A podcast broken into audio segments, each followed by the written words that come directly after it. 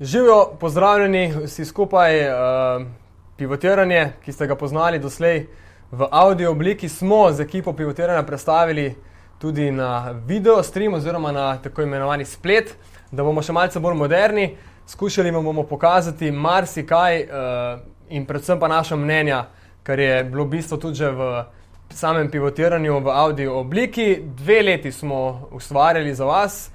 Eh, mogoče v zadnjih mesecih ne tako pogosto kot predtem, ampak pogledajte si, to je naša ekipa, Gal, Damir in pa tudi Nec, ki se nam bo še kasneje pridružil uh, preko sicer Skypa. Vsekakor pa upam, da boste uživali v prvi današnji debati. Uh, Fanta 39. Evropsko prvenstvo, ne samo da se je že začelo, ne, je že kar dosti dobro v pogonu. Prva dva popolna igralna dneva sta za nami, tretji igralni dan za nekatere eh, reprezentance je ravno kar v teku, ampak kljub vsemu, veliko nervoze, eh, veliko vsega, kar prinaša prvi igralni dan. Še prej, Damir, ne, bo, pa, bo pa Gal povedal, da enostavno lahko tudi vi sodelujete z nami, postavite vprašanje eh, in še tudi kakšen svoj komentar, ne na zadnje. Ja, ravno s tem namenom smo se lotili tega, da boste tudi gledalci nekako čim bolj ukomponirani v samo oddajo. Se pravi, imate možnost komentiranja in postavljanja vprašanj preko Twitterja s hashtagom pivotiranje. Tule v četu imate pa tudi, mislim, v streamu imate pa tudi čet zraven. Uh, bomo probali pa slediti, kolikor se bo dal. Uh, se pravi, komentarji, stočnice, vprašanja, nima veze, karkoli, kar se bo pač nam zdelo primerno, bo šlo pa tudi v eter na koncu. Upamo, da bo čim več tega, tako da uh, jaz tudi, ko mi čakam, da uh, zaštartamo tole. Ja, čim več debate, zato da bo Galimo čim več dela. Bog ne daj. Dajmo ga, ga zasuditi z maksimalno dela, da ne bo veliko usta odpiral, ampak bo samo nam govoril, kaj moramo mi povedati. Uh, ne omenimo, da bomo video pivotiranje ustvarjali predvidoma dvakrat mesečno. Glede na to, da je zdaj Eurobasket in glede na to, da če vam bo vsem skupaj tudi všeč, ne, se bomo potrudili, da, da je tega pivotiranja še, še nekoliko več. Glede na odziv. Ja, pa naslednjič bo še kakšen bolj strokoven človek tole sedel od nas, verjetno. Je to možno? Težko, ampak bomo ga probali najti. Uh, sploh Gal ima eno nalogo že leto in pol. Uf. Eh, ki našega najtrofejnejšega trenerja, zmaga Sagadina, eh, vabi v pivotiranje, ampak zaenkrat mu še ni uspelo. Tolkrat je hotel priti, da mu nismo najdelo daje, v bistvu res. Jaz mogoče še ne bi pozabil, ker smo čisto na začetku, pa prvotno, ko delamo preko videa, Nec je tudi z nami, uh, preko Skypa in bo tudi del današnje oddaje in pač, kar se nas tiče, če je časovno le možno, del vsake oddaje.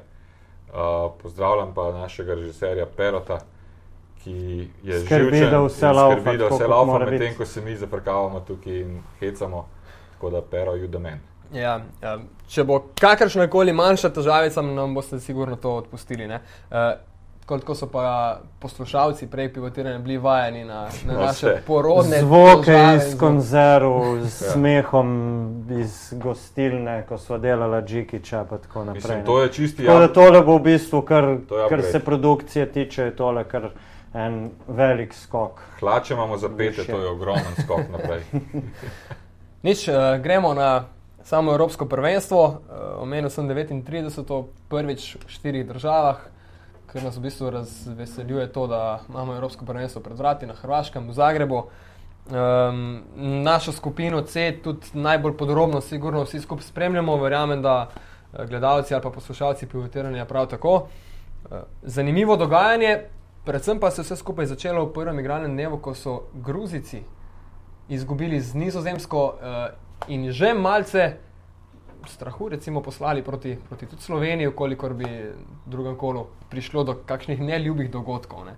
Uh, gremo najprej na tekmo med Gruzijo in Nizozemsko. Mogoče, vem, če ste si jo mogoče ogledali, oziroma ne, največja težava se zdi Gruzico, da je bil pristop njihove selekcije, uh, da tukaj mogoče niso.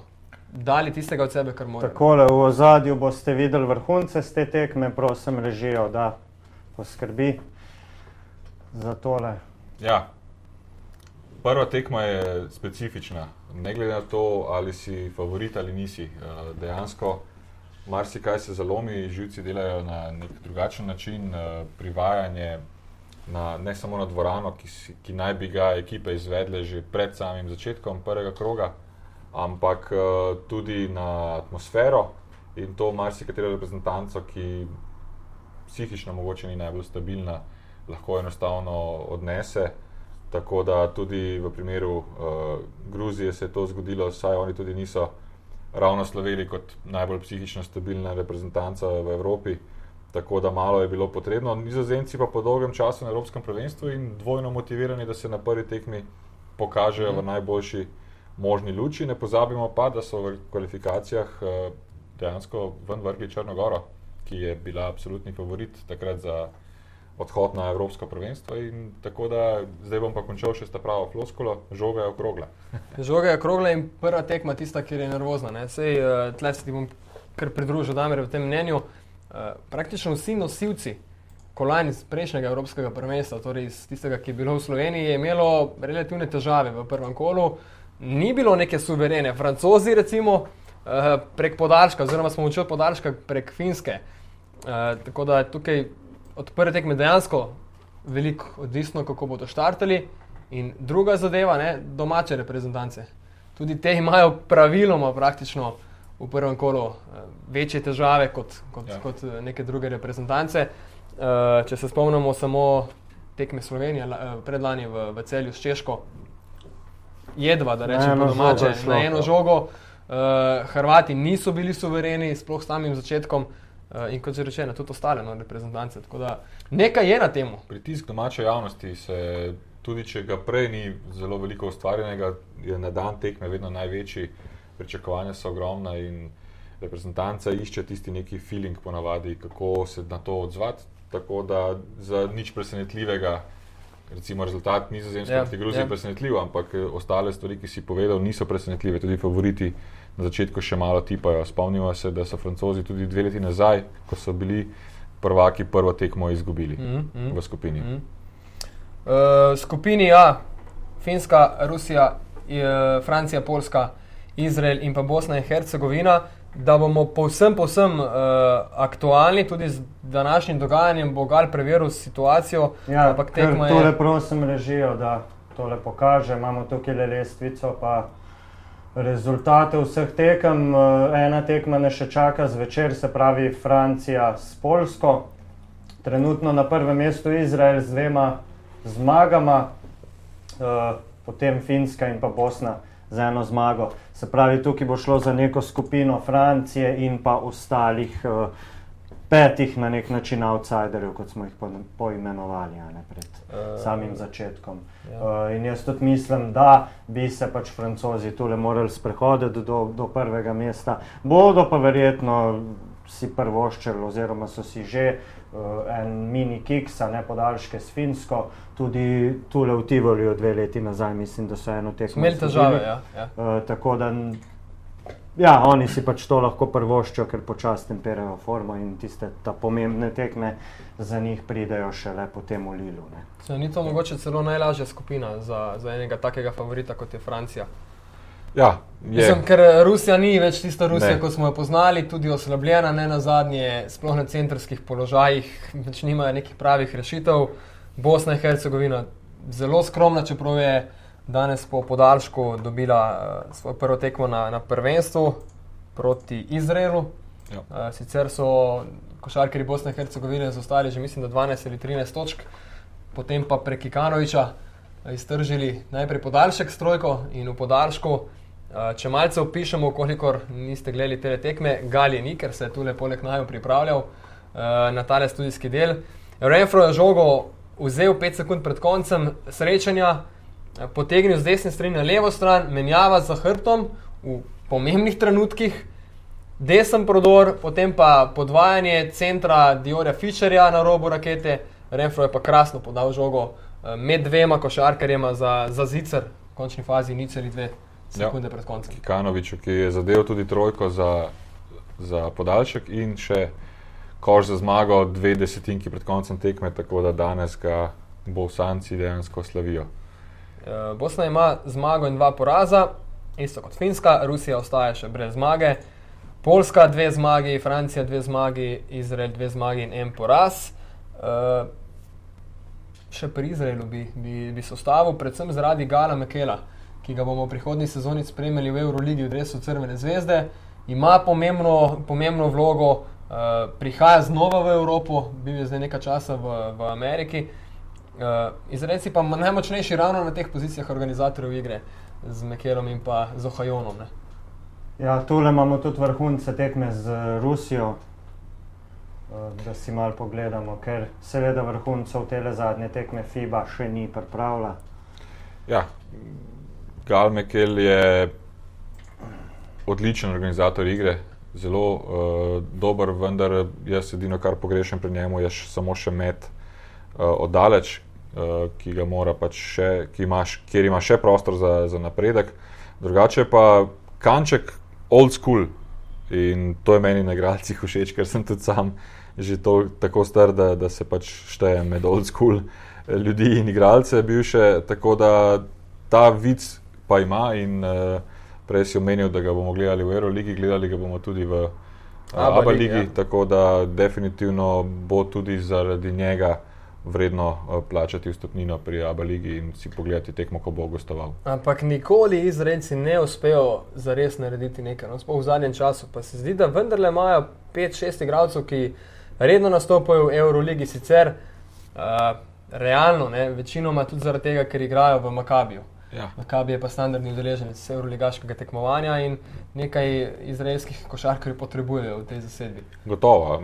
Sej Makabi za moje pojme že dolgo časa ni izraelski klub, ampak ameriški ja, klub. V bistvu, ja. Tako da nekega Dobro, razvoja. Tudi američani, ki jih igrajo pri Makabiju, so na tak ali pa drugačen način povezani z, z njihovo vero. Ne? ne, ne, gotovo. Nisem mislil to zdaj teritorijalno ali pa versko, ampak enostavno na način košarke. Tam notri, kljub temu, da najdejo nekako na toliko in toliko let, dva, tri, ki ja, so ja. Izraelci in pač imajo mesto v moštvu, še zmeraj je toliko američanov, ki se forsirajo pred kakšnimi mlajšimi in neka generacija kar noče in noče nastati, ki bi bila recimo močna v nekem danem trenutku, ne vem, 5-6 let. Ja. In na enem, dveh, dveh, treh tekmovanjih prikazala tisto, kar se od njih pričakuje. Vedno je eden, ne? vedno je bil, ne vem, pa Elijahu, pa Kaspi, pa tako, ne? vedno je premalo. Ja. Tako je, sem dobil en komentar tole od Markota ki Damirja poziva, oziroma mu sporoča, da bi mu lepše pristajala rdeče bela majica. uh, hvala za, za namik, ampak nisem slišal, kaj je bilo vprašanje. V bistvu ni vprašanje, Vse samo komentar, zdel, da, da bi ja. ti lepše pristajala rdeče ja. bela. Ja. Marsikaj bi mi lepše pristajala, ampak uh, mislim, da črno-bela čisto dovolj dobra. Lahko pa organiziramo za naslednjič. A, je... A Marko, to misliš? Ne, ja, tebi, tebi. Me, me pa res zanima, če je to do takšne mere, uh, da ne bi oblekel rdeče bele majice. Ja, absolutno ne bi. Zakaj bi oblekel? Ja, ne vem, zakaj ne bi oblekel. Nikoli nisem. No, zakaj ne bi oblekel? Ja, ne vem, a misliš zaradi barvne kombinacije ali ja, res? Ne, ja, zaradi barvne kombinacije. Brez grbov pa tega. Brez grbov ne, nisem, pač, ne vem, nisem to nikoli imel in sem se čisto dobro počutil, kot sem se. Dobro, če mogoče kdo spremlja, uh, dobil zdaj namik, da če še nikoli nisi imel, da bo še enkrat imel to ja, barvno kombinacijo. Ne, ne, nimam te barvne kombinacije. Imam rdeče majice, ja, imam, imam tudi bele majice, nimam pa rdeče bele majice. Ampak rdečo belo barvo pa imajo Poljaki. Uh, zelo solidno reprezentanco, ki se letos, za razliko od prvenstva v Sloveniji, ni kaj veliko široko ustila pred prvenstvom. Dobili so prvi dve tekmi, uh, najprej z Bosno in Hercegovino za štiri točke in potem še Ruse za tri točke in ostajajo, oziroma po vsej verjetnosti bodo iz te skupine A nekako prilezli, zdi se mi. No. Ja, ampak eh, tukaj je. Ne samo prilezli, mogoče zasedeti celo drugo mesto. Point v tem, da si rekel, da so igrali proti Bosni in da so igrali. Proti Rusiji, ki Bosna je tako, tako danes pač izvlekli zmago, medtem ko Rusija je pa na tem prvenstvu kljub temu, da vemo, da manjka ogromno dobrih njihovih košarkarjev, katastrofalna je dejansko popolnoma na nek način brez talenta. Še zmeraj je vem, Monija tisti, ki je sposoben Mhm, nekaj mhm. narediti, pa mislim, da je človek na Evropskem prvenstvu igral, ko se jaz še nisem rodil po domači. Manjkajo, Rusi so verjetno skoraj ena najbolj oslabljenih reprezentantov. V bistvu kar najbolj. Tako da, Ja. uh, pa tudi nikdar niso sloveli po nekem širokem bazenu košarkarjev, tako da njim se to pozna skoraj tako kot nam. Ne. Recimo, da ni enega mozgova, pa šveda je to sploh pri nas. Recimo, igre, ja. Tukaj se tudi merite. Na branilcih so bili pa vedno neki tako bolj, saj tistega šmeka, njihovi branilci niso imeli. Ne. Se pa še zdaj spomnimo tiste trojke, mislim, da je bil Sergej Monja ne, v Litvi uh, na koncu proti Sloveniji. In da takrat je še zmagal Sagadin komentiral to tekmo in je vse čas povdarjal, da Rusi šute, da nimajo šuterja ne, in pol na koncu ravno. Vse je imel prav, vse je imel prav zmago, kajti mislim, da je Monija takrat od table zadev. Ja, mislim, da ne, ampak eh, ni pa prej imel tacga strelskega Ali pa- večera, da bi se lahko na to Ja. zanašali, pa da bi Dobro. rekli, da Ni ga imel v Stožicah niti Miloš Teodosič in je potem Ja. ja. preko roke zadev šest, šesti poizkus za trine, da je vzel tisto zmago. Nič, v skupini, v skupini A, uh, kot sem rekel, no, Francija, potem Poljska, nekako Izrael, Finska, Bosna in pa Rusija. Te, te reprezentance, ja. ki, ki mogoče niti ne posebej atraktivna skupina, niti poimensko, pa tudi mislim, da za francoze ne bo tako grozno zahtevna, uh, zahtevna skupina. Bomo šli v skupino B. tako. Če- Jo imamo tudi na, na zaslonu zdaj. Ja. Bom kar jaz prevzel. pa skupina smrti. Ne? Ja, recimo, definitivno je to skupina smrti. Uh, Srbi so nekako imajo za sabo dve različni tekmi. Prvo proti Španiji, ki so jo odigrali res vrhunsko, se vrnili po mislim, da 12 točkah zaostanka, na koncu dokaj suvereno, brez neke tesne končnice, premagali Špance. In pa potem ta včerajšnja z Nemčijo, z domačini, ki, na katerim nikakor ni steklo. Pa so vseeno na koncu zopet prek uh, izjemnega Nemanja Bjelice a ne, uh, tekmo uh, dobili. Uh, videli bomo tudi, uh, mislim, da nekaj vrhuncev z te tekme ali pa ne. Oziroma ne, videli bomo koš Nemanja Bjelice za zmago. Takole.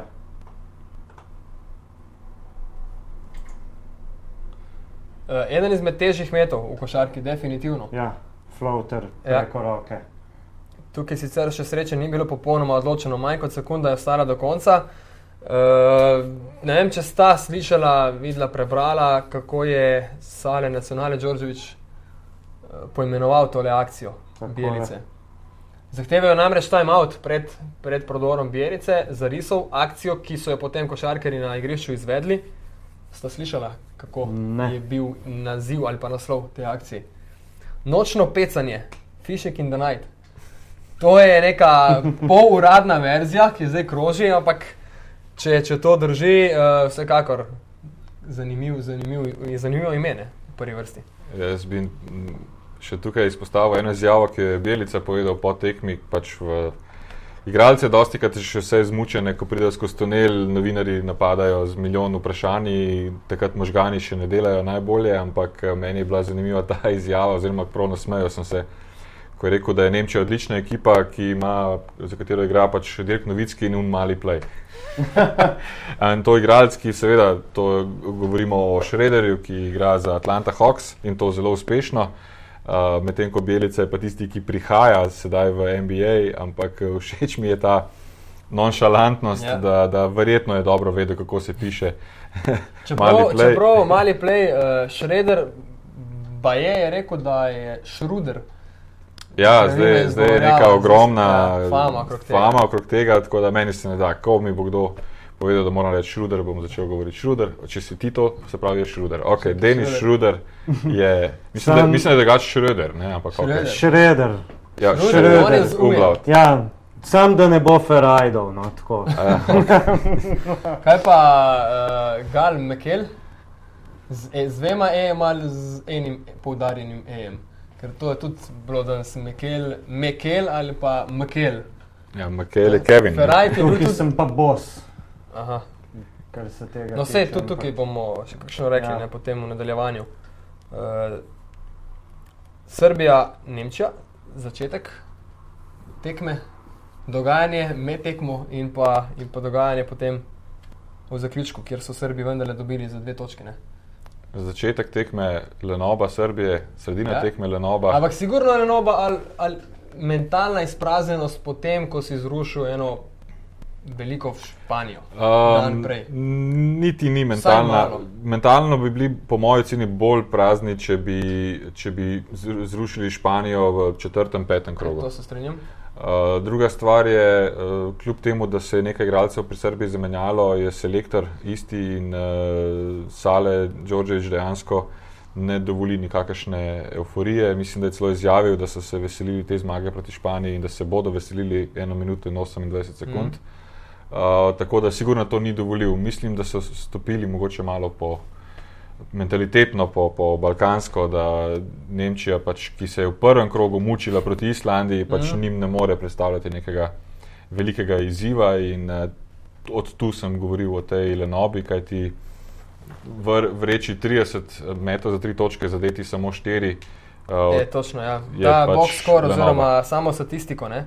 Uh, Miroš Teodosič, nič 9, Bogdanovič 1-7 trojke, eh, skupno 4-30. To je tako katastrofalen med, da po tekmi dejansko, če si že zmagal, lahko, mislim, moraš čim prej pozabiti na vse to, Ja. kar se dogaja. Ja. Vse glih to je najbolj, najboljša na nek način zmaga. Mislim, da, da, da je to za njih boljše, kot če bi jih razbili za 15-20 točk. Ne. Vse v Španiji. Ker ko igraš slabo, pa zmagaš, je to za ekipo največji kapital, sploh na Ja. turnirjih. Ja, vsej v Španiji lani je Srbija, mislim, da kot četrto vrščena prišla iz Ja, skupine. iz skupine pa potem premagalo v bistvu vse favorite do konca. Uh, nič, a vključimo zdaj našega dopisnika, mogoče, če smo Uh, tukajle- idealen trenutek. tukajle pri, pri tej skupini. idealen trenutek, da, da ga vključi še Neca. Neca nam bo oglasil iz Nemčije, bil je Direkt pa, iz Študgarta. ja, iz Stuttgarta, bil je pa na tekmi srpske reprezentance v Berlinu.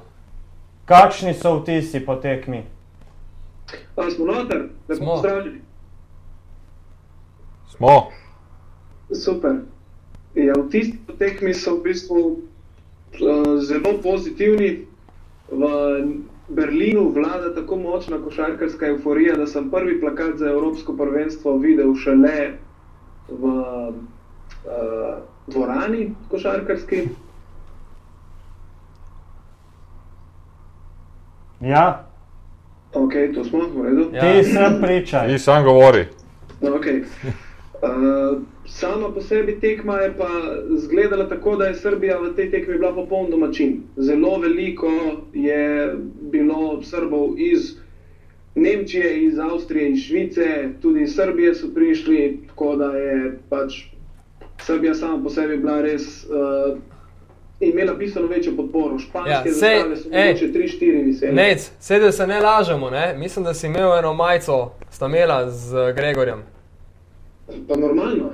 Čakaj, a, a jo moram najti, ali kaj? Ja, ne vem, Gregor ali majico. Gregorja, ne, Gregorja ne, majico seveda sem imel, normalno. Tudi jaz sem imel majico v cirilici z, z srpskim grbom, tako kot se spodobi. ne. Uh, Itak smo se vsi drli, tako kot je treba. Če bi moral dati izjavo takoj po tekmi, to ne bi mogel dati. Je pa sama igra izgledala tako, da jim je meni je izgledalo, da jim še vedno veliko težav povzroča prav posamična obramba Srbom in imajo v tem segmentu še veliko za popraviti. Ja, verjetno res. Uh, kaj pa drugače dogajanje okrog dvorane, dvorani, Ja, se timeouti? kaj čuti sploh v trip, da se tam igra zdaj pač Evropsko prvenstvo? Ali je bolj tako kot na Hrvaškem, recimo, ker na Hrvaškem so, vemo, da je Luka Žorič rekel, da ga kolegi sprašujejo, kje bo prvenstvo. ne. Ja, jaz mislim, da je zelo podobna stvar tudi v Berlinu. Ker pravi, prvi plakat za, tek, za Evropsko prvenstvo smo videli šele, ko smo vstopili v dvorano. Nikjer ni bilo možno sploh razbrati, da se dogaja Evropsko prvenstvo, in navijače smo videli šele pred dvorano. Je pa tukaj tudi ta specifika, da je Berlin samo po sebi res ogromno mesto in, in se zadeva zelo hitro zgubi. In temu gre še prišteti, da ni ravno to prvi šport v Nemčiji. Ne? Ja. Ja, sej, eh, ko je Final Four Eurolige bil v Londonu, se je tudi vse skupaj tako razgubilo, da eh, srce boli. No? enega košarkarskega navdušenca, ko pride v takšno mesto in, Točno to. ne najde ni- ničesar nikjer. Ja, samo to so trgi, kjer pač je denar vladar in uh, tudi krovne organizacije forsirajo Nemčijo, Anglijo konstantno na ta, na ta zemljevid. Probali so tudi in- Prago ne? Ja, pred leti, mislim, da je bilo 2-8. ja, to je bilo v Final Four. Ja. Ja. Ja, tudi ne, ampak pač neki centri so znani in te centri očitno bodo ostali še dolgo časa. Gremo še malo na tekmo. Um, centrska linija Srbije, komu se zdi dovolj močna, da, da je to linija za, ne vem, za, za finale Eurobasketa. Radulica Kuzmič uh, in Milosavljevič proti Nemčiji sicer ta ni igral, ampak uh, selektor Srbije je že mogel uporabiti tudi tandem uh, na štirki in petici, ala uh, Bielica in pa Erceg ne, v nekem trenutku. Ja, jaz mislim, da saj zaenkrat ni to tista centrska linija, ki bi lahko parirala, ne vem, recimo že Špancem, a ne, sam na sami tekmi. Je bilo to drugače. Ne? Mislim, da bo, da bo njihova igra nekako rasla skozi skozi tekme in da na koncu bo že, sej ne, ne, ne rabi dati uh, Radulica 15 točk pa 10 skokov vsako tekmo, ker imajo pač tako ekipo, da se, če trije niso razpoloženi, bo pa nekdo drug. Mm. Tako da če kje pri njih ne vidim tega, te težave. No. So pa v skoku tako ali pa drugače dominantni, ne samo zaradi centrov, tako da tudi po, tej, po tem aspektu jim to ne bo ravno neka, neka velika težava. No, oni lahko to kompenzirajo tudi z uh, Ercegom in, uh, in, in uh, Bielico, ki lahko ne vem, razširita igrišče, v Ja, bistvu stretch, rakete, stretch ja. force. Uh, in na, na ta način lahko napadajo in ven vlečejo centre drugih uh, ekip, in potem ustvarjajo naprej mismeče. Tako da oba dva imata pa mehko roko. In, uh, se pa vidi, da bo Srbija, kot je bila recimo v nekaj prvenstvih, dejansko odvisna od Teodosiča, da se zna zgoditi, da bo letos enostavno odvisna od Nemanja Bjelice in mm. njegove košarke in njegovega igranja, za katerega mislim, da trenutno je v življenjski eh, formi že od recimo Vleče v celem skupaj, ja. koledarskem letu 2015. Tole imamo še eno vprašanje, zdaj uh, bom sem še tole prebral, pa pa nadaljujemo. Če je Srbija, recimo, spet Marko sprašuje, če je Srbija po lanskem drugem mestu na svetovnem prvenstvu letos sposobna iti pa na evropskem, mogoče še korak dlje. Um, pa bom jaz še malo dodal, recimo, kaj bi se morali recimo, vse poklopiti, da bi šli korak dlje. Uh, Boban Marjanovič bi moral biti tu. Ker jaz nekako mislim, da so oni pa res edina reprezentanca, ki lahko igra z vsakim praktično. Ne? Recimo, vemo, da Španci bodo zelo težko igrali s Francozi, že lani so imeli težave, pa so bili v dosti močnejši eh, postavi, predvsem zaradi te fizike. Srbi pa mislim, da lahko igrajo tako Španci kot Francozi, da ne omenjam Hrvatov in tudi z Grki sem prepričan, da bi se lahko eh, kosala. Ne? Tako da se mi zdi, da oni imajo neko ekipo, ki, ki se lahko vsakmu zoprstavi brez problema na vsakem igralnem položaju in kot ekipa. Ja, gotovo, čeprav jaz težko rečem, meni se zdijo recimo trenutno francozi, tista tekma v podaljšku s Finsko, me sploh v bistvu ne zanima. Uh, se mi zdijo tako fizično superiorni, niti ne fizično, ampak atletsko superiorni, mm -hmm. da bo treba najprej to zaustaviti in recimo um, spraviti mogoče s pametno igro enega Rudija Goberja ven iz igre, da se nabere določene osebne napake ali karkoli, drugače je to za mene reprezentanca, ki je še zmeraj prvi favorit uh, tega Ja, prvenstva. nimajo pa alternative za Goberja, ne v bistvu. Ja, se pravi, Ko potem, ko je Zdaj sem, zato sem pa ja. rekel, s Serafana, pametno, s pametno igro, Mm. mm. da se ga recimo in ven iz rakete potegne in obremeni z prekrški, potem se da parirati. Je pa Francija ravno tako napadalno potentna ekipa, zelo tako da um, jaz sam vidim finale, pač, če pač lahko se to skupaj s skupinami vse sklada, sam vidim finale dejansko Srbija, uh, Francija, potem od tam naprej je pa lahko tekma tako ali drugače. Ja. No, jaz bi, jaz bi v bistvu se strinjal z vama. Uh, pa finale in tisto ključno tekmo pa potem dobi posameznik. Se pravi, če bo takrat Srbija imela pravega Miloša Teodosiča, zgodil Teodosič je to situacija, kot da če se ti zgodi uh, Vasilis Panulis.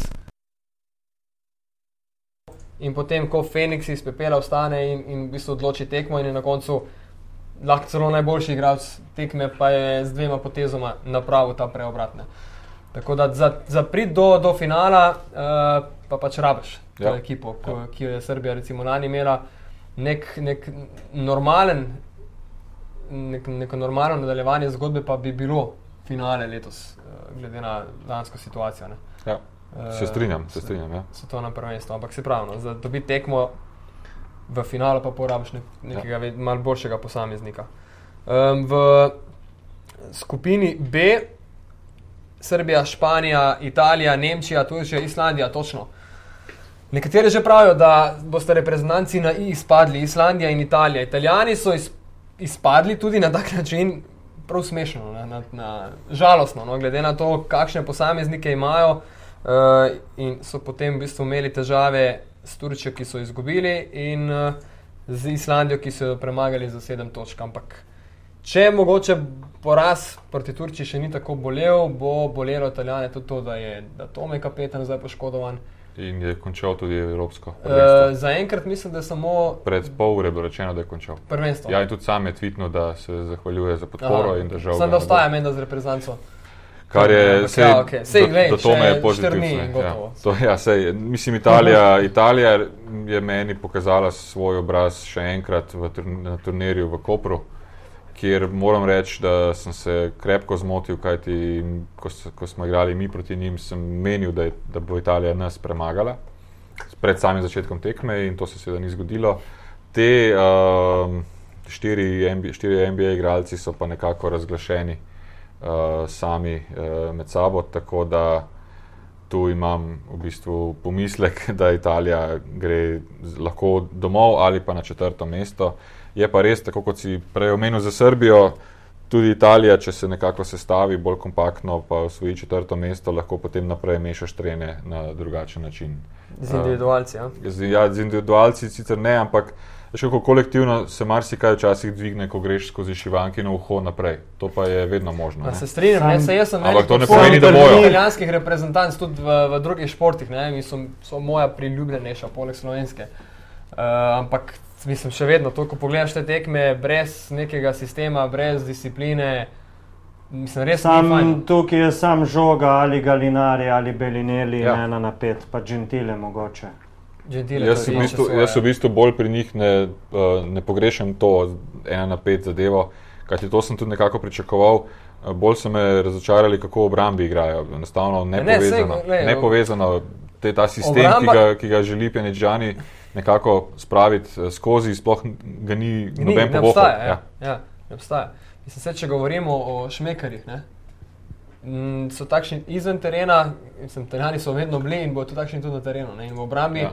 obrambno akcijo, obrambno energijo se manj opazi in je manj vidna, kot je vidno to, kar oni počnejo potem v napadu. Tako, ne. tako. Da smo si na jasnem. Tudi No, mene je malo Penečani razočaral tukaj. Vse bitke so italijani izgubili, ko so iz ene strani prešaltali na Ja. drugo stran, ne. tudi drugačne. To je.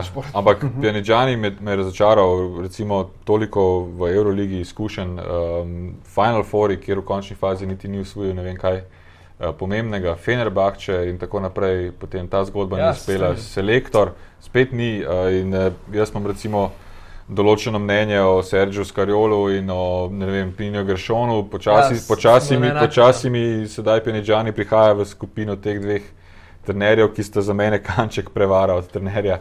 Uh, tako da upam, da, da, da, da bo še lahko nekako pokazal, da ni tako, ampak za, za enkrat me je enostavno razočaral. Čeprav on je takrat Final Four igral Sieno, ko je Siena bila v bistvu edini resen italijanski klub z dovolj nekega denarja, da so ja. imeli osem igralcev zelo dobrih, pa potem še.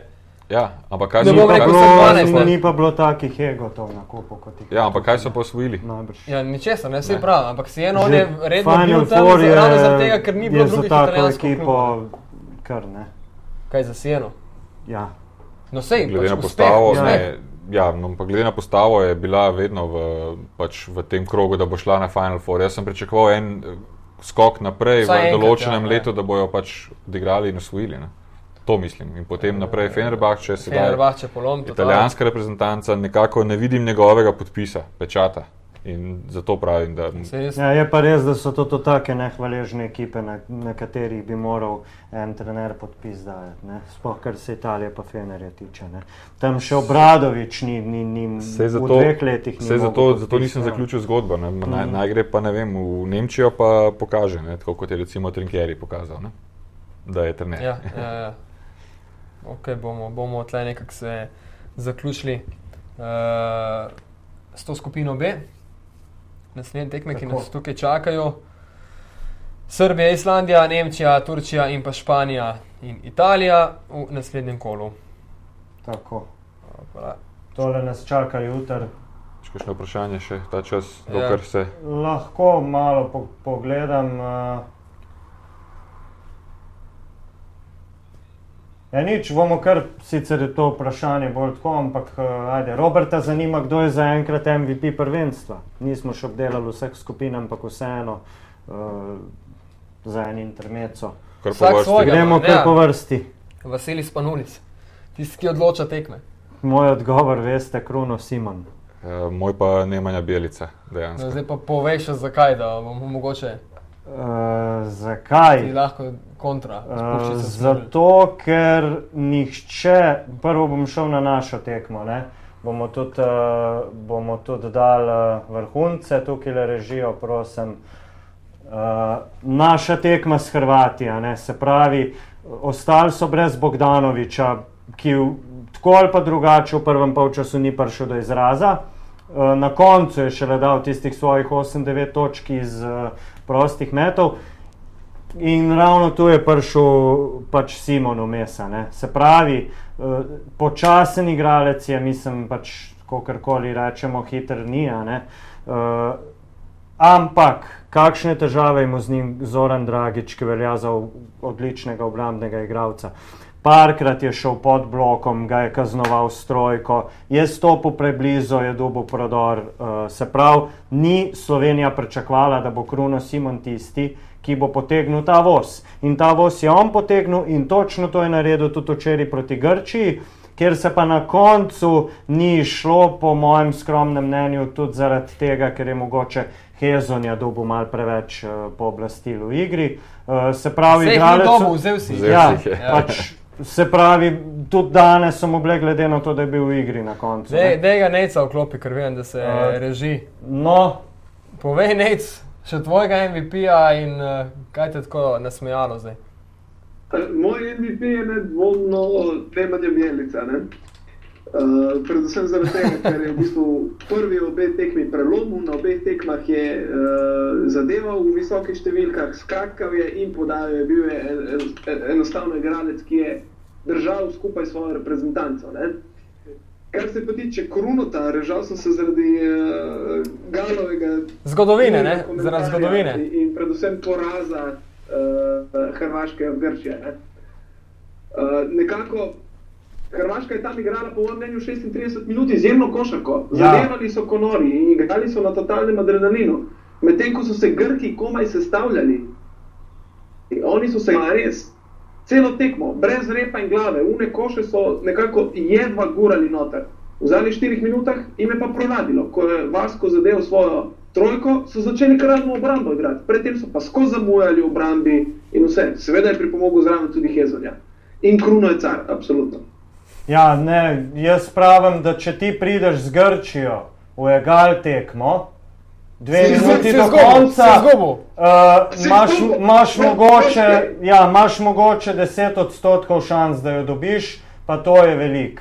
Sploh, če je Grč, za Grčijo igra Spanulis, to je ta glavna uh, stvar. A ne. je, a je kdo gledal, citiram, citiram uh, roka Lenija Ukiča, Ja, kako so izgubili? na, na, z Na- glupimi grškimi Na- na- forami in na- neobstoječimi na glupe- favli. Ja. Dobro, tiste favle to ni bilo resne, ampak na glupe grške fore smo izgubili. In pick and roll do, do nemoglosti, ko Spanulis na, na, na vrhu Ja. dobi, dobi Ja, lej, blok in potem eh, obstaja- kombinira, dokler ni. a ne. Ja, se obstaja skautiranje, to moraš Ja. pač Je predvideti. pa, Ne, je, je pa tudi zanimivo to, a ne, da, da imajo NBA-ovce, imajo vse, ampak ko se tekma lomi, je gor peterka Olimpijakosa, Olimpijakosa. ja. Ja, ni, Ja, uh, mislim, da se tudi to razumeti. Uh, vidim, da je zelo veliko ljudi pač gleda tudi na, neke, na vse reprezentance. Te imajo tri NBA, te imajo sedem, te imajo nula, te imajo dva, te imajo pet.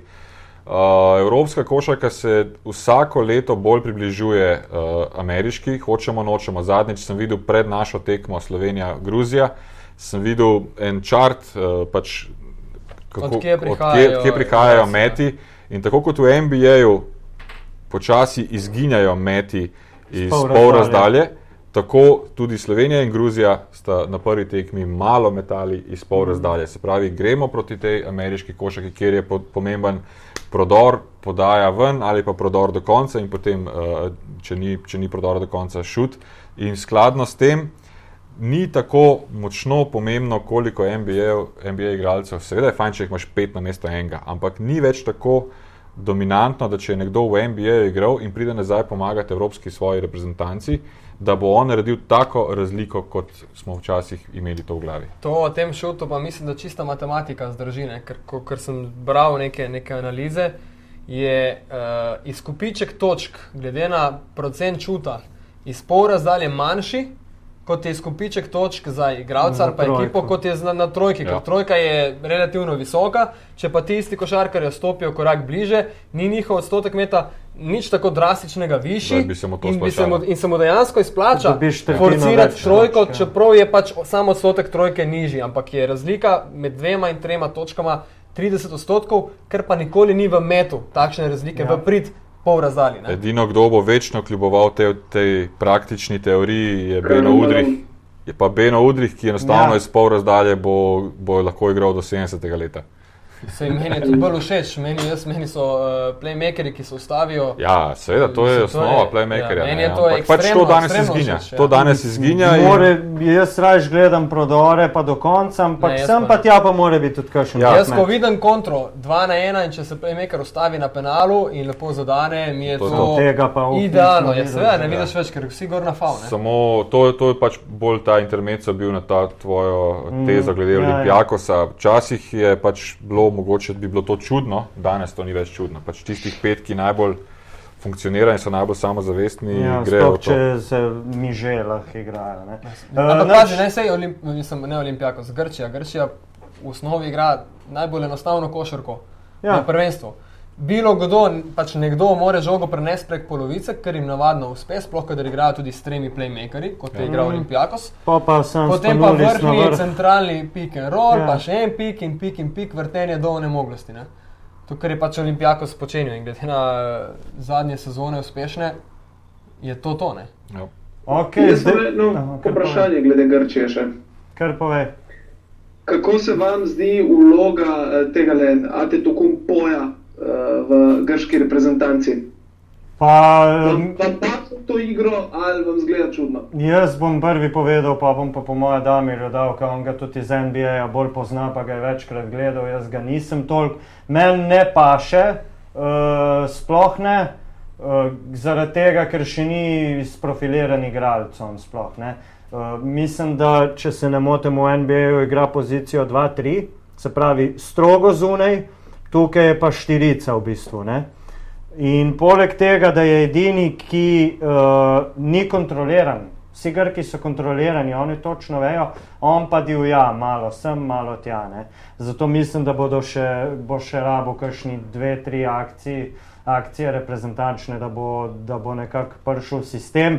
Je pa, kar se tiče individualnih karakteristik, to čudo od človeka. 2-11, mislim, da tiste YouTube posnetke, ko gre strojka v dvokorak oziroma skoraj iz sredine igrišča, smo vsi videli. Tako da to, če bo nekako se ukomponiral, zna biti kar za, še, za nadaljnih deset let lep kapital. Za grško reprezentanco. Ja. On je bil izbran. Najče, no, na On je bil izbran leta 2013 na, na draftu in je od drafta 2013 do danes zrastel še 5 cm. Tako da on se bori še sam s svojim telesom, če smo čisto iskreni. Uh, je pa to, pa, da ne bom predolg glede njega samega, uh, on je budučnost NBA. Uh, on, ko bo pač še odigral 3-4 sezone, uh, bo razbijač. Tako da pa še v Grčijo tako, tako Uh, po drugi strani, takemu igralcu se ne boš zahvalil pred akcijo, pa rekel: Tako, ne, ne tole rabite. bomo zdaj, sem prekinem, videli en ta nenormalen. Um, dejstvo je, da, ga, da se takemu igralcu ne zahvališ v, v, že, že na začetku, pa rečeš: Poglej, ti boš moral pa še malo žgancev uh, pojesti. Uh, tako da to je to. Po drugi strani, proti Hrvaški nisem sem bil kar zadovoljen, glede na to, da je imel neko ro, rolno vlogo, bolj, ne, pravi, bolj, bolj epizodno vlogo in da ni toliko ven iz povprečja eh, skakal, kot bi lahko. Pač, mi smo tudi navajeni nekaterih drugih razmišljanj. Jaz sem NBA igralec, zdaj te mi žogo, bom jaz to vse reševal. Eh, Tudi prvo tekmo, ki sem si ogledal celotno proti Makedoniji, eh, je, je delal tisto, kar dela najbolje. Sprav, tekel je v proti napad, eh, tudi mislim, da je podelil eno ali dve blokadi v obrambi, ni se silil pri metu. Tako da jaz sem celo z, z njim z, v prvih dveh tekmah dokaj zadovoljen. Pa še tako, tako, ampak zadovoljen pa No, sem. jaz sem mal manj, ker sem ga imel v fantasy ekipi ne, začetka. In mu je cena tako padla, da sem Malo. dejansko obupal. Ne. Pokličeš pa ti povemo. Ne? Ja. Ja, Ej. kaj sem vedel? Ne? Med, med njim pa Batumom sem šel. Pa, Dobro če bi izbral. Batuma vzel, ne bi bilo nič ja, bolje. je boljši bil. Uh, Ej, samo, znači, jaz bom- sam na hitro še povedal od njega. Uh, meni pa paše on v, v to grško košarko, ravno tako kot Kosta Papa Nikolao v NBA. Se pravi, ta hip. A je tako? Je tako, nec? Je. In s tem smo prišli do druge istočnice, kako, uh, kaj narediti s Kostasom Papa Nikolaom v letošnji akciji, ker se mi zdi, da nekako ni zraven, nima svoje minutaže in nima svojega ritma. Ne? To, to. In se mi zdi, da bo grška reprezentanca proradila, kot je treba, ko bo priključen zraven tudi Kostas Papa Nikolao. Če jim bo to uspelo, in bo tudi igra delovala. Drugače pa ne. Ne pozabimo samo še eno stvar, da smo si pogledali in da sta bili odigrani dve tekmi. Se pravi, še Ja. ja. tri v skupini, treba je mogoče malo večji vzorec. še Je, to dobiti. je ekstremno dosti za naše komentarje. Ponovadi mi še preden se odigra, Ja, ja, ja. sem že Ja, analiziral. to. no, Dobro, Ja, to nič, res. zdaj uh, bom presekal tole, smo že na, mislim, da skoraj 50 minutah, pa bomo kar prešaltali na Slovenijo, ki bomo v bistvu posvetili zdaj uh, glavnino preostanka oddaje. Uh, pa bom štartal kar z vprašanjem, ker itak se bomo na to uh, navezali. Včeraj, po včerajšnji tekmi odmeva, ne, se pravi, nek eh, šum na relaciji spet Zoran Dragič, Jure Zdovca. Ne. Uh, kaj mislite, Gregor nas sprašuje, ali je ta, uh, to nezadovoljstvo Jureta Zdovca posledica njegovega sistema oziroma igre, ki jo goji Zoran in da ta ni kompatibilna z Dovčevo, ali je to samo nek slab preblisk trenuten, ki bo lahko zbledel z večjimi tekmami. Recimo, a ne. v ozadju pa gledamo vrhunce tekme Slovenije in Gruzije. Kaj Povej, mislite? povej, Damir. Ja. Jaz mislim, da se mogoče temu tudi malo dalo preveč, um, preveč prostora. Uh, spet tudi tukaj dve tekmi sta. Zdovci ima prav pri eni izjavi, ki je rekel, ko igra uh, Zoran uh, Dragič za ekipo, smo boljši, ko igra za sebe, smo slabši. Kako je to sedlo Zoranu na, na ušesa, je pač druga. Uh, Zgodba po drugi strani je pa tako, da je bil uh, na začetku tekme proti Gruziji Zoran še kar dobro uh, na nek način sprovociran z uh, sodniškimi odločitvami in tudi z grobo igro Gruzije na začetku tekme. Skladno s tem eh, je se hitro moral usesti. Jaz sem videl vsaj na vzven pozitivno neko rolo njegovo v tistem prvem polčasu, ko ni igral. Uh, ne bi pa temu dajal nekega velikega pomena, sem pa tudi sam eh, komentiral to, da na koncu tekme, oziroma tam, ko, se, ko smo bili že daleč pred Gruzijo, je pa začel divjati in uh, zdovc pa tega divjanja uh, oboleva. Ne samo pri, tukaj pri Zoranu, ampak oboleva na splošno pri vseh igralcih. In tudi, ko smo, ne vem, koliko ste spremljali vsi njegove reakcije, ko smo šli iz plus 22 na plus 8, eh, več ali manj se je samo za glavo držal, ni mogel razumeti, zakaj tako uh, divjanje. Tako da uh, mislim, da ga to moti bolj kot neki Zoran Dragič uh, osebno ali pa njegova igra osebno, zdaj kako se je Jure izrazil pač tako, kot se trener izrazi. Jaz tudi sem pristaš tega, da se povejo stvari naravnost, po drugi strani pa oni v garderobi najbolje sami, najbolje sami vedo, kako se bodo. Jure se je izrazil tako, kot se Jure vedno izrazi, praktično. Ne? Brez dlake na jeziku. Uh, ja, relativno direktno, brez dlake na jeziku. Um, je pa pač jasno, da je Zoki verjetno sam pričakoval boljše predstave na teh dveh tekmah, že na Evropskem prvenstvu, da se je morda pričakovalo od njega, ne da bo vodja naj in izven terena, ampak da bo dosegal tiste največje cifre po doseženih točkah. Uh, samo 13 minut z Gruzijo, jaz drame iz tega ne bi delal, pravzaprav ravno zaradi tega, ker smo mi najpomembnejšo tekmo do tega trenutka ja, dobili. Se pravi, za me eh, celoten paket Slovenije je vse v skladu s pričakovanji. Ena zelo solidna ali pa dobra predstava proti Hrvaški. Uh, zmagali smo tisto, kar smo mogli zmagati, se pravi Gruzijo in uh, zdi se mi ta manjko Zokija, celo kapital Slovenije za nadalje, za nadaljne prvenstvo uh, na tekmah, kjer bo pač to bistveno bolj pomembno. Če obrnemo, smo ga spočili. Ne?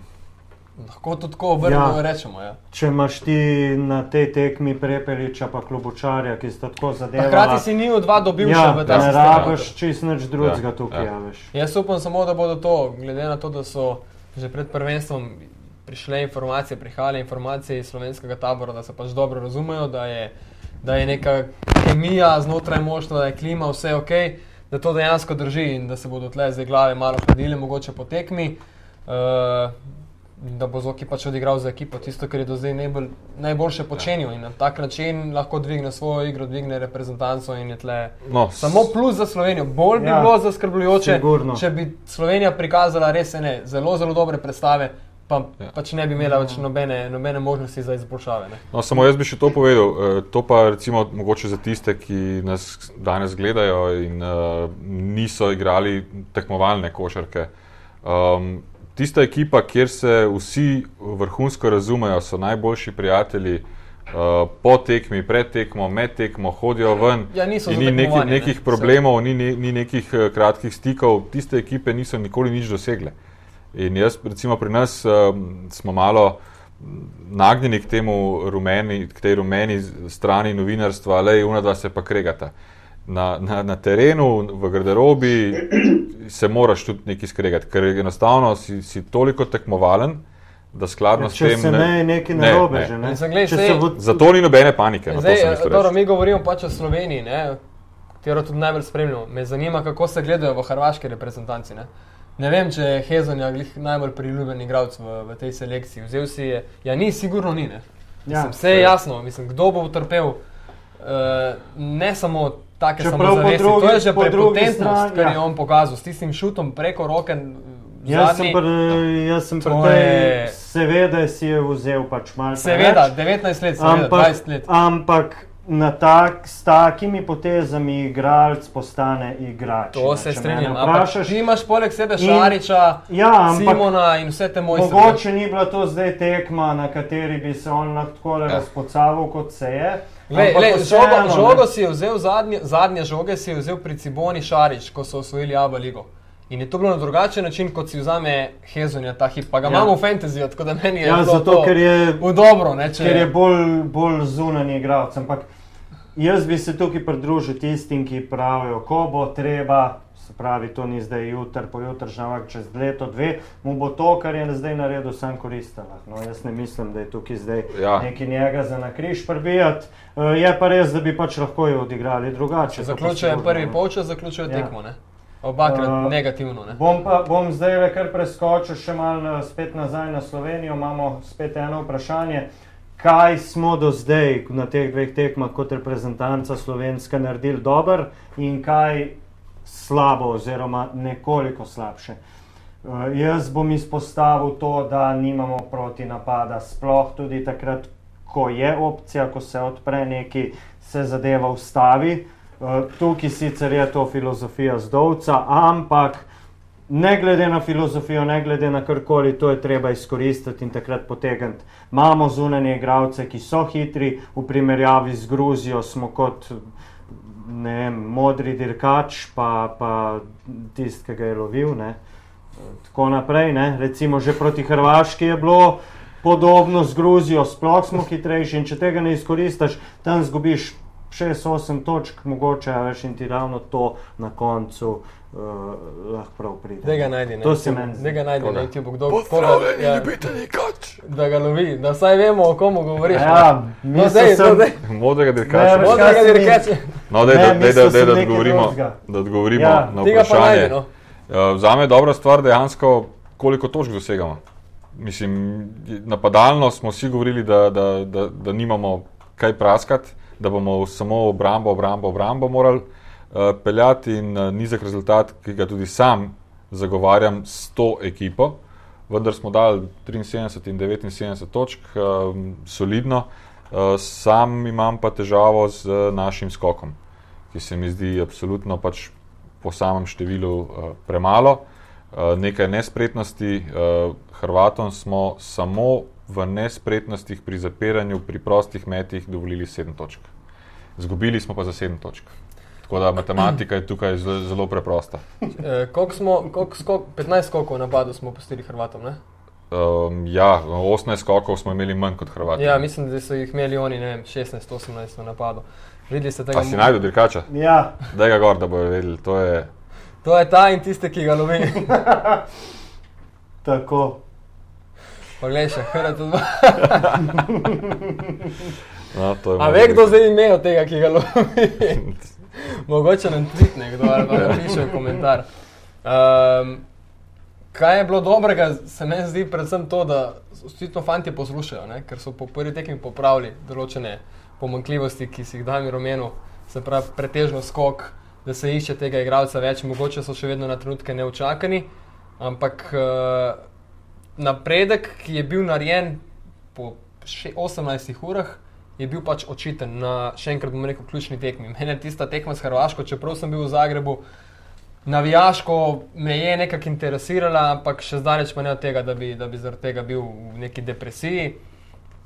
Zdaj se vedno reče, da tudi fanti pravijo, da je v bistvu dovoljeno slavje in dovoljena recimo, slaba volja do trenutka, ko si pod tušem, ko stopiš enkrat na avtobus in se odpelješ v, v hotel, si pozabil. Je, danes je rekel, mislim, da na valu, na radiju, da je, da je tekma pač pozabljena. Črna zavesa, se Ja, o tem ne drugo. pogovarjamo, ne glede na to, ali je šlo za zmago ali pa poraz. In mene je v bistvu bolj skrbelo, da bi naši premagali Hrvaško in potem z Gruzijo doživeli nek kiks, ne? ker bi imeli manj od tega v končni Ja, ja, fazi. ne. ja.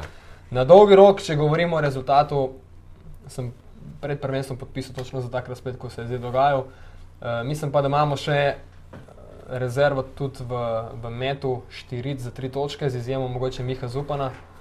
Uh, ja. Ena sedem, če se ne motim, ima kapetan Baražič po dveh tekmah, ena tri ali pa ni, nič tri, pa ima Uros Lokar celo. No. Ja. Uh, tako da, še A vemo, vemo vsi, da imata oba dva mehko roko in da, da bi se lahko odigrala. Smo pa imeli malo težave proti Gruziji na cono. No? Dobro, Tako da... to, to na, na žalost ni samo proti Gruziji, mi imamo že kar nekaj Ja, časa težave Še eno vprašanje, spet eh, Marko, ali bo Slovenija v bližnji prihodnosti sestavila ekipo, kakor jo je imela pred šestimi, sedmimi leti? Jaz bom tukaj le kar zelo jedrnat. Ne. Um, Sestavila bo novo. ja, Mešiček, Recimo, če recimo tako približno Šiško. kvalitetno. Recimo. Ja, Novo, težko. novo, Ja. novo bo sestavila. Novo bo sestavila. Um, mogoče je pač zdaj treba biti potrpežljiv, ne vem, dve, tri leta mogoče. Ampak novo bo sestavila, novi letniki prihajajo, 2000 letnik je v Sloveniji za začetek visok in poslušen, kar pomeni, da pač imajo željo trenirati v večjih klubih v Sloveniji. Um, kako se bo saga okrog uh, Luke razpletla, se mi ne sanja. Pač zaenkrat ni razloga, da ne upamo na najboljše. Uh, je treba biti optimističen, mesiček, kot si rekel, Mm. uh, Šiško, Šiško, Macura. Macura. Um, tako Videli da bomo, kaj bo s Kraljevičem. Ne? tako, tako. Imamo, imamo neke adute za naprej, in uh, pač vidimo pa sami, da brez trdega dela uh, ne bo šlo. In če bodo te fanti nekako delali, um, mislim, da se lahko, da se za prihodnost ponovno, kljub temu, da smo bili bolj črnogledi, mogoče leto, dve nazaj, se nam ni, ni zabati, se pravi, to, kar zdaj ne prihaja na te igralce, ki ne prihajajo na, na zbore, pač ne prihajajo. Um, mislim, da bo počasi čas, da bomo enostavno z novimi uh, šli naprej. In tudi takrat ni problem, če smo 13 na Eurobasketu, 14, ker veš, da čakaš v bistvu igralca, da bo dozorel in da bo takrat najboljši. Pa Ja, saj- jaz imam nek gre- grenak priokus, sicer dobro so se odločili, kako so se. Ampak jaz mislim, da bi, da bi lahko, vsaj za Luka, ki ga tukaj le gledamo, vsaj okusil, recimo, par nekaj treningov s člansko izbrano vrsto. Letos je bila za to idealna priložnost. Uh, tako da ne vem. Ja, ne, to- Kot jaz vem, je bila njihova prošnja, njegova prošnja. Ja, njegova je njegova, prav bila. njegova, kot jaz imam informacije, je bila njegova prošnja, namreč saniral je uh, poškodbo kolena, ki jo je vlekel nekaj časa. Mhm. In pa vedel je, da ga čakajo pripravljalni kempi uh, v ZDA, kjer bi Mislim, se on si gradi kariero že Ja. zdaj Ja. v, v nekih zgodbah. Ne? On letos hoče v nekaj, prvi ne. ekipi pač biti in dobiti minutažo, ki je vredna Tako, tega imena. Ne? Tako, in še nekaj, ne? on je mislim, da je letos imel preko 80 tekem pri teh svojih letih. Vemo pa, da je to 80 tekem v NBA, ko so, ko so strukture telesne desetkrat Ja. boljše in manj izpostavljene kot je njegova. ne. Ante letos 16 let praznoval, Mm. letos in to Ja. mislim, da je imel res tremi, preko štirimi 80 meseci, tekem, no, tako da da počasi, počasi. Se vem, mi bi radi to, ampak jaz mislim, da vzgibi so napačni. Mi bi radi, marsikdo, tudi sem se pogovarjal z ljudmi, ki imajo radi košarko in jo spremljajo, marsikdo ga je hotel do, dobesedno zabezecati, da je odigral članske minute in da potem Ima težjo ali pa ne more. tako, medtem ko to mogoče je bilo še nekaj časa nazaj, vendar čeprav nisem čisto natančno seznanjen, ampak primer Gavel mi govori, da tudi če bo igral naslednjo katero koli prvenstvo Ja. za člane, bo očitno lahko še zmeraj igral za Španijo. Ne?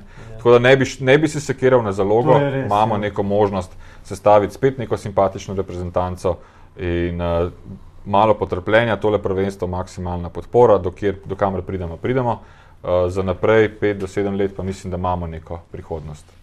Uh, imel si pa še nekaj drugih vprašanj, se mi zdi. Uh, čist kole na splošno. Mika, ti si bil v Zagrebu, jaz nisem bil in uh, tudi ne bom. Uh, bom spustil, kar se tekem v živo tiče. Organizacija prvenstva Gregorja zanima, če si dobil mogoče kaj občutka, če lahko primerjaš s tem, kar je bilo v Sloveniji, uh, pa s tem, kar si tam videl. Čeprav si šel, mislim, da čisto kot civilna. Ja, tekma, ne. civilna družba, direktno. ja. Eh, se pravi, brez delovnih obveznosti. Eh, bilo, je, bilo je nekaj plakatov tudi po, eh, po mestu, tako da v Zagrebu se je o tem dalo, dalo govoriti. govorit. Eh, če si kupiš športske novosti, je spet bilo posvečeno prvenstvu, pretežno njihovi reprezentanci prvih nekaj strani, tako da se je dalo dobiti nekaj informacije. Uh, sam odhod na tekmo je že v bistvu res, da smo bili nastanjeni blizu centra, ampak kljub vsemu nakazal na to, da je tekma, se pravi domačini v, v njihovih standardnih dresih, Mhm. Vatreni. uh, vatreni kockasti so, so prišli ven na tak način, kot da pač vse je nekaj pripravljeno, ampak uh, navijašk, iz navijaškega smisla so zaostajali. Definitivno za, za slovensko falango, 5000-5500 slovencev je bilo v Zagrebu na, na tekmi proti Hrvaški. Mm, Ker je mogoče tudi bilo za pričakovati, ne, ker se nikjer, ko- kot so tudi eh, sportske novosti pisale drug dan, niso imeli možnosti naučiti tako navijati na, tek, na košarkarskih tekmah, ker enostavno Tule Hrvaška. bomo, bomo videli Takšne podpore, tako številne podpore ni imela na košarki že, že dolgo časa. Ne. Uh, kar se tiče pa samega dogajanja pred dvorano, mislim, arena je krasna, krasna dvorana, tudi okolica je, je urejena, bilo je dovolj uh, vhodov v dvorano, hiter pregled, brez komplikacij in uh, potem tudi dovolj prostovoljcev, ki so takoj pristopili in nakazali pot. Uh, bi pa še nekaj, no, vseeno tukaj povedal in sicer, da se je lahko pilo laško pivo. Ne? V, Tudi to v v, dvorani. v dvorani, ne, in tudi so fotke zaokrožile slovenskih navijačev, ko so normalno stali in, in pač si lahko pijačo kupil znotraj dvorane, ni bilo potrebno Mhm. ven. Ne. Tukaj so bili v bistvu celo korak pred nami, ne? ampak dobro, pred našo zakonodajo, da, da ne bo pomotene. Si pa pokazal te navijače, ki so bili uh, izjemno glasni ne, na zadnje. No. Ja. Jaz Mislim, da je prav, da še odgovorimo na kakšno vprašanje, pa potem Ja, počasi absolutno. zaključimo. Ja, vse mislim, da smo bolj ali manj jaz imam enega provokativnega, če mislim, da, da je moj kolega Marko boljši od mene od fe, v fantasyju. Mogoče za enkrat, ampak z vsakim dnem bom bližje in na koncu tudi pred tabo.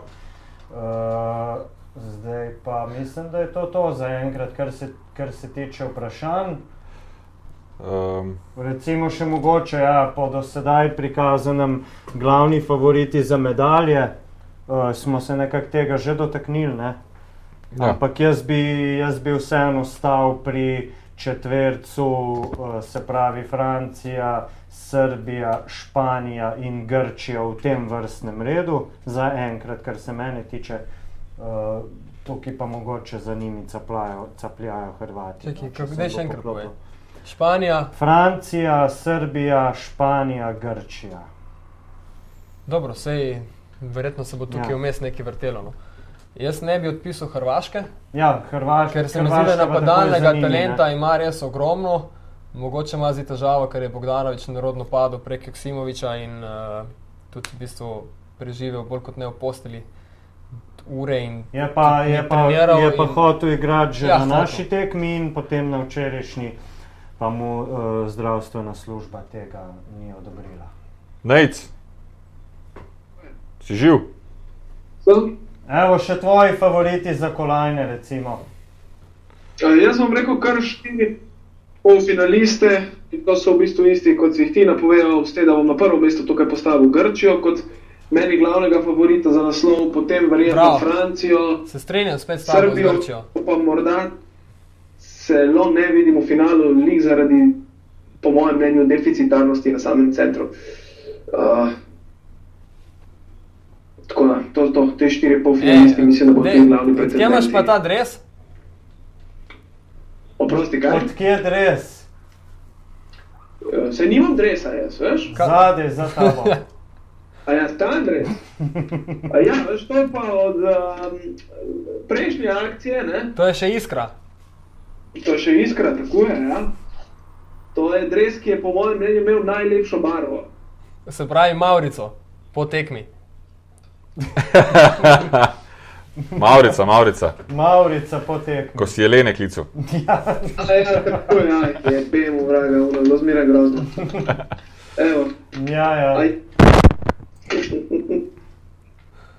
Uh, jaz bi sam še nekaj dodal za konec in sicer, da smo imeli kar dva košarkarja v peterki drugega kola, ja. se pravi drugega igralnega dne. Jako klopočar je z, jaz mislim, da ne tekmo, ampak sigurno polčasom, mogoče celo karijere. No? 20 točk, skupno na tekmi 4, 4 skoki, povlekel je ta voz, ki ga je načel Klemen Prepelič, on pa tudi z 21 točkami in 100-stotnim metom. To je, mislim, tekma, s katero se bo, se bo prodajal dalje, no? čisto tako direktno. Ja, samo bojo morali pa izrezati tistih šest uh, izgubljenih žog.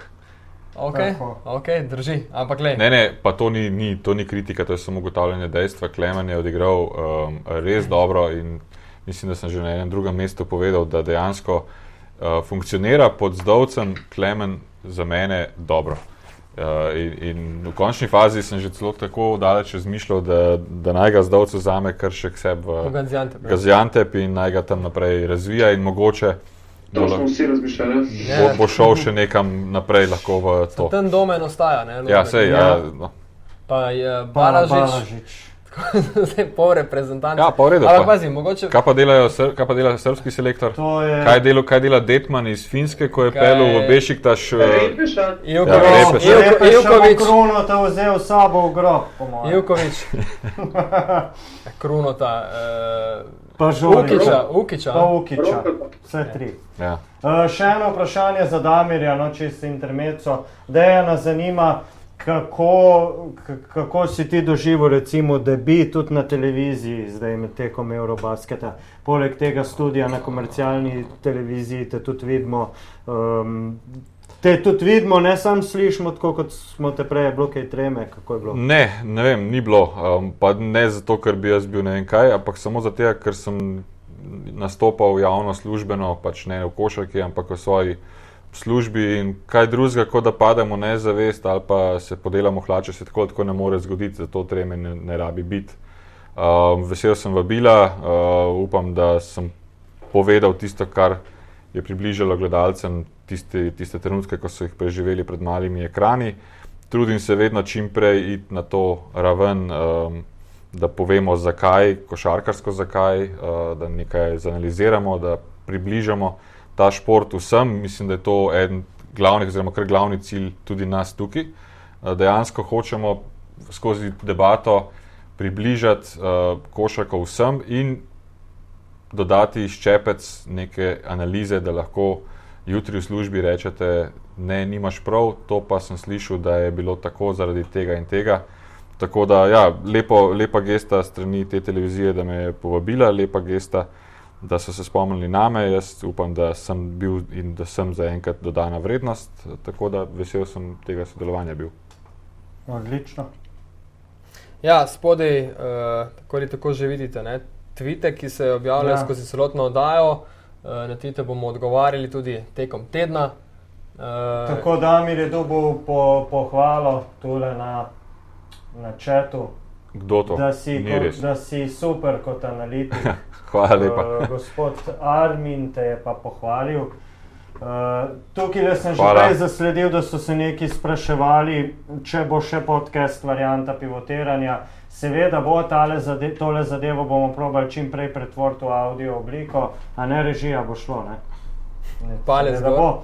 Uh, tako da mislim, da mogoče verjetno že jutr uh, si boste zadevo tudi uh, lahko preko vseh tistih naprav in klientov potegnili dol samo v audio obliki. Tako da pivotiranje v podcast obliki še ni končano, še vedno bo. Ampak zaradi vseh teh uh, interakcij, pa video, ki jih vidite zraven, je pa v bistvu za vas najbolje, da si zadevo pogledate ali v živo, ali pa potem, uh, ko bo takoj. Po prenehanju snemanja, tudi na voljo, na zahtevo. Jaz bi mogoče to priložnost izkoristil, ker se bližamo koncu, oziroma smo na koncu. Um, Twitajte, napišite, ja. kaj vam je kul, cool, kaj vam Že ni kul. Cool. Kaj, kaj vas zanima? Ja. Kaj vas zanima, kaj smo pozabili, pozabili smo sto stvari, ampak vseeno. Sploh ni nobeno. Kar, karkoli. Samo hashtag pivotiranje, pa tudi ja. karkoli. Uh, bomo probali upoštevati. Ja, da, del, zaradi tega smo se tega lotili, da dobimo nekaj. Delite, delite zgodbo dalje. Ja, ja pa za vsako bomo zelo hvaležni, kdorkoli bo povedal eno ali pa dvema. Čakaj, kaj pa un citat, ki je vedno v, v gostilni. Uh, če vam je bilo všeč, delite z vsemi, če vam ni bilo všeč, povejte nam. Knjiga žalbe ne obstaja, ker smo na netu, tako da vseeno. Bomo pa probali že z naslednjo oddajo, kakšno stvar bolj, da bo bolj gladko tekla. Ne bomo obstali na tem, kot smo, ampak bo vsakič nekaj novega. Ne? Okay, najdete nas na uh, ja, pivotiranje. Ja, zdaj v bistvu pivotiranje profili ostajajo isti, ne se pravi Facebook, Twitter, uh, tukaj zdaj v bistvu to je ena in ista zadeva, tako da še vedno med tednom ste dobrodošli, da postavljate že za cel teden vnaprej. Uh, jaz celo zdaj razmišljam v glavi, da če nam bo ratalo, da bi kar naslednji teden spet uh, imeli tole zadevo, ne? kar se mene tiče, bomo videli nam neč obljubo, ker imamo vsi tudi druge obveznosti. Uh, če ne pa najkasneje, čez dva tedna bo pa. Ne obljubili preveč. Ja, ja, bo pa oddaja v dvotedenskem formatu in v živo vsak torek. Zdaj ponedeljek je izjemoma, ker imamo tudi prost dan na prvenstvu, tako da smo si lahko malo več časa vzeli. Uh, tako da ja, to bi bilo nekaj vse teh, vseh teh admin zadev. Uh, nič, to je to. Upam, da, da, da ste se prebili skozi tole video klobaso, pa da nas boste še kdaj gledali. Nehaj. Zakaj zbire na koncu tako ne zaključiš? ja, veš, ja. more biti. Moraš biti skromen. Spodobi se. Ajde, ne, okay. odjavi, odjavi, odjavi nas. No? Dega še gor, neca pa ne. Dega še ja, gor. Še, še nas odjavi. Študgard, da pozdrav. Študgard, odjavi nas. Tako, ja, tole so bili uh, Gal, Damir in Miha, ki so za vas v video obliki predstavili vrhunce prvih dveh kol uh, Evropskega prvenstva. Vidimo se po zaključku Evropskega prvenstva, kjer bomo povedali še kaj več. Do takrat pa čim več nam pišite, vse smo že vse povedali. Lepo se imejte, čau. Pozdrav tudi tebi, pa pozdrav vsem eh, gledalcem in poslušalcem. Čau, čau. Go.